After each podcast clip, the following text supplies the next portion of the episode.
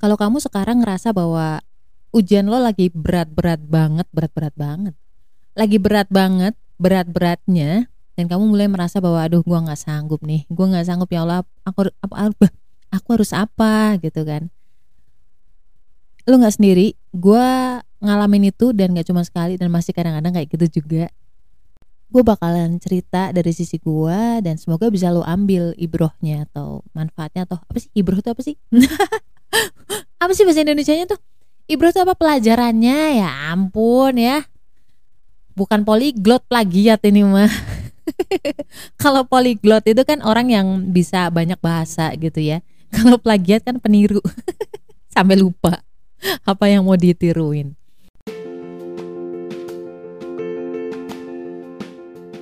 Assalamualaikum warahmatullahi wabarakatuh Kenalin aku Ria Marliana Teman healing kamu di podcast Self Healing Yang akan ngobrol tentang banyak hal Berdamai dengan luka Melalui psikologi Islam, Quran dan juga hadis.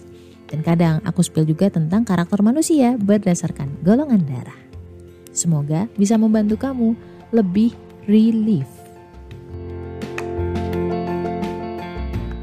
Masalah yang sering terjadi antara golongan darah B dan juga golongan darah O golongan darah B itu nggak akan paham kalau lu nggak gamblangin. Sementara golongan darah O itu susah gamblang. Ini yang bikin golongan darah B stres nggak ngerti maunya O apaan. Ini juga yang bikin golongan darah O sebel karena golongan darah B nggak peka. Jadi mau ku bantu menganalisis karakter pasangan berdasarkan golongan darah kamu bisa klik link di bio ya. Sebenarnya kita semua tahu lah, gue yakin lu udah denger salah satu ayat Al-Baqarah 286 ya kalau nggak salah ya. Allah tidak akan membebani seseorang melainkan sesuai dengan kesanggupannya. Allah bilang bahwa lu tuh mampu. Kalau yang bilang itu gue kamu boleh nggak percaya. Tapi ini kan yang ngomong adalah Allah ya kan? Harus percaya. Kalau Allah saja nggak lu percaya siapa lagi yang bakal lu percaya? Pelajaran yang paling berharga adalah dari anak gue yang kedua jadi gue resign dari bank gue dagang jajanan aja di SD sampai akhirnya gue memutuskan untuk kembali menjadi company women. Dari kecilnya Fatan ini bareng sama gue memang ada yang berbeda sih sejak gue kerja. Terkesan dia tuh lebih cuek. Ngomongnya jadi dikit. Bukan dia nggak mampu ngomong ya tapi dia tuh nggak mau ngomong. Padahal yang namanya ngomong itu kan harus latihan ya kan nggak mungkin kan tiba-tiba bayi langsung lancar ngomong harus ada latihannya dulu kecuali Nabi Isa ya itu beda. Jadi di atas empat setengah tahun dia tuh minim masih minim ngomong. Dia paham apa yang kami omongin cuma buat balikinnya dia tuh males kecuali sama kakaknya. Jadi sama kakaknya dia lebih sering niruin omongannya kayak gitu. Awalnya gue tuh kayak ya Allah gimana? gitu. Khawatir ya sempat protes kayak ya Allah kenapa sih sifatnya nggak kayak anak yang lain aja gitu yang yang enak gue bisa kerja gue bisa nyari uang dengan lega tenang. Dan ketika gue resign gue jadi lebih sering bareng sama Fatan. Gue bisa nemenin dia mulai menjalin persahabatan lah pertemanan. Jadi dibanding anak lain yang mungkin membutuhkan waktu lebih lama kalau si Fatan ini dia mau itu lebih cepat contohnya training pi ya misalkan. Atau lepas ngedot ngedot lepas ASI itu jauh lebih cepat dibanding kakaknya. Catatannya adalah asal dia mau. Nah menumbuhkan kemauannya dia itu nggak semudah itu. Karena dia itu mau kalau dia nyaman di situasinya. Nyaman sama orangnya. Sampai pada titik gue paham bahwa oh dia itu sebenarnya kayak gue. Waktu kecil yang sesukanya. Tapi kalau udah mau dikejar sampai dia bosen gitu. Begitu kita sering bareng. Gue juga mulai memahami apa yang dia mau. Dia mulai banyak ngomong.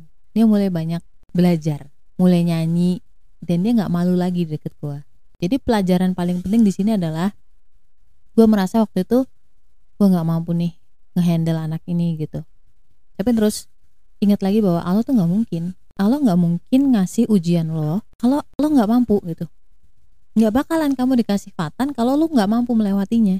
Di sisi lain gue bilang gini memang fatan itu buat kamu. Ngelihat kamu yang sifatnya seperti itu dan ada kecocokan. Kenapa? Orang lain belum tentu bisa ngehandle Fatan. Lo yang selama ini tuh udah tertarik untuk menganalisis manusia dari gua kecil dari SD, gue udah seneng perhatiin behavior atau perilakunya manusia.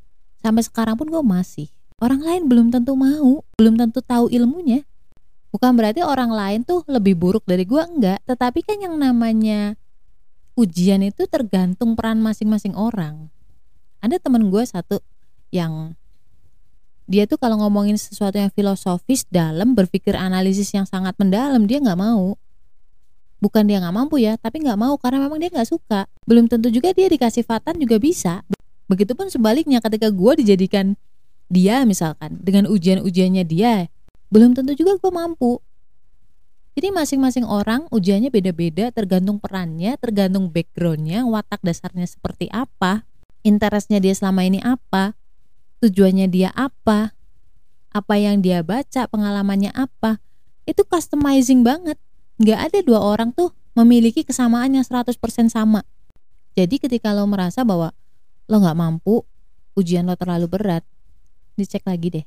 Kamu tuh mampu, dan orang lain belum tentu bisa ngelewatin ujian itu seperti kamu bisa melakukannya. Memang nggak mudah untuk memahami sampai ke titik ini. Percayalah itu self journey-nya kamu. Waktu itu gue sering banget berdoa ya Allah tolong biar aku tuh ridho sama anak-anakku dan semoga anak-anakku juga ridho sama gue kamu lah ujian kita kan nggak jauh-jauh dari manusia ya. Yang memegang hati manusia itu kan cuman Allah. Titik solusi dari ujian lo ya Allah. Nanti Allah yang akan menggerakkan hati orang-orang itu. Memang kadang-kadang kita lupa. Kadang kita kebawa emosi wajar namanya manusia. Jadi nggak mungkin sekali ini kita paham terus besoknya nggak lupa. Enggak kita kadang-kadang kalah juga sama nafsu. Tiba-tiba marah tiba-tiba emosi tiba-tiba keluar statement yang bikin orang lain sakit hati. Makanya penting banget untuk selalu zikir sholat tepat waktu dan itu harus mendalam. Ketika lu susah untuk percaya coba belajar dari kisah kisah diri lo sendiri di waktu lalu atau kisahnya orang lain atau kisah nabi Allah tuh mudah banget kalau mau nolongin kamu. Yang bikin lo susah yang bikin lo berat itu bukan ujiannya. Tapi tuntutan kamu biar nggak mendapatkan ujian itu. Habis sholat istiqoroh itu ada doa dan di situ ada doa biar kita itu ridho terhadap apa pun kebijaksanaan Allah kebijakannya Allah. Itu yang bikin kita enteng ngejalaninya. Dan nanti juga pasti kelar kok. Jadi akan sangat lucu ketika kita ngebandingin hidup kita sama hidup orang lain. Mulai dari doa mulai dari sholat di tepat waktu. Kalau lo telat makan, mah kamu kambuh kan? Asam lambung kamu naik toh. Sama juga seperti jiwa. Ketika jiwa kamu itu terlambat makan, makanannya jiwa kan sebenarnya mengingat Allah ya. Salah satu cara mengingat Allah yang wajib adalah sholat. Ketika lo telat makan, telat ngasih makan jiwa lo, ya terus akhirnya daya kamu kecil, ya daya kamu itu maksudnya daya untuk biar kita tuh tetap tenang tetap stay cool stay stay calm dan itu perjalanan sepanjang hidup. Tenang aja podcast gue insya Allah selalu menemani lo. Ketika lo berat ucapkanlah hasbiyallah wa ni'mal wakil. Astagfirullah dan la haula wala quwata illa billah. Nggak ada kekuatan lain kecuali dari Allah. So Hey golongan darah B kamu tahu bahwa kamu adalah orang yang luar biasa. Tapi mungkin teman-temanmu belum memahami. Nah kami punya solusinya untukmu. Buku karakter golongan darah B berjudul Beauty in Abyss. Buku ini ditulis khusus untuk orang-orang dengan golongan darah B dan akan membantu memahami karaktermu dengan lebih baik. Kamu akan tahu mengapa kita sangat sulit untuk mengingat nama atau kenapa kita sering merasa insecure. Dengan buku ini, kamu bakal tambah percaya diri dan makin sukses. Amin. Assalamualaikum warahmatullahi wabarakatuh.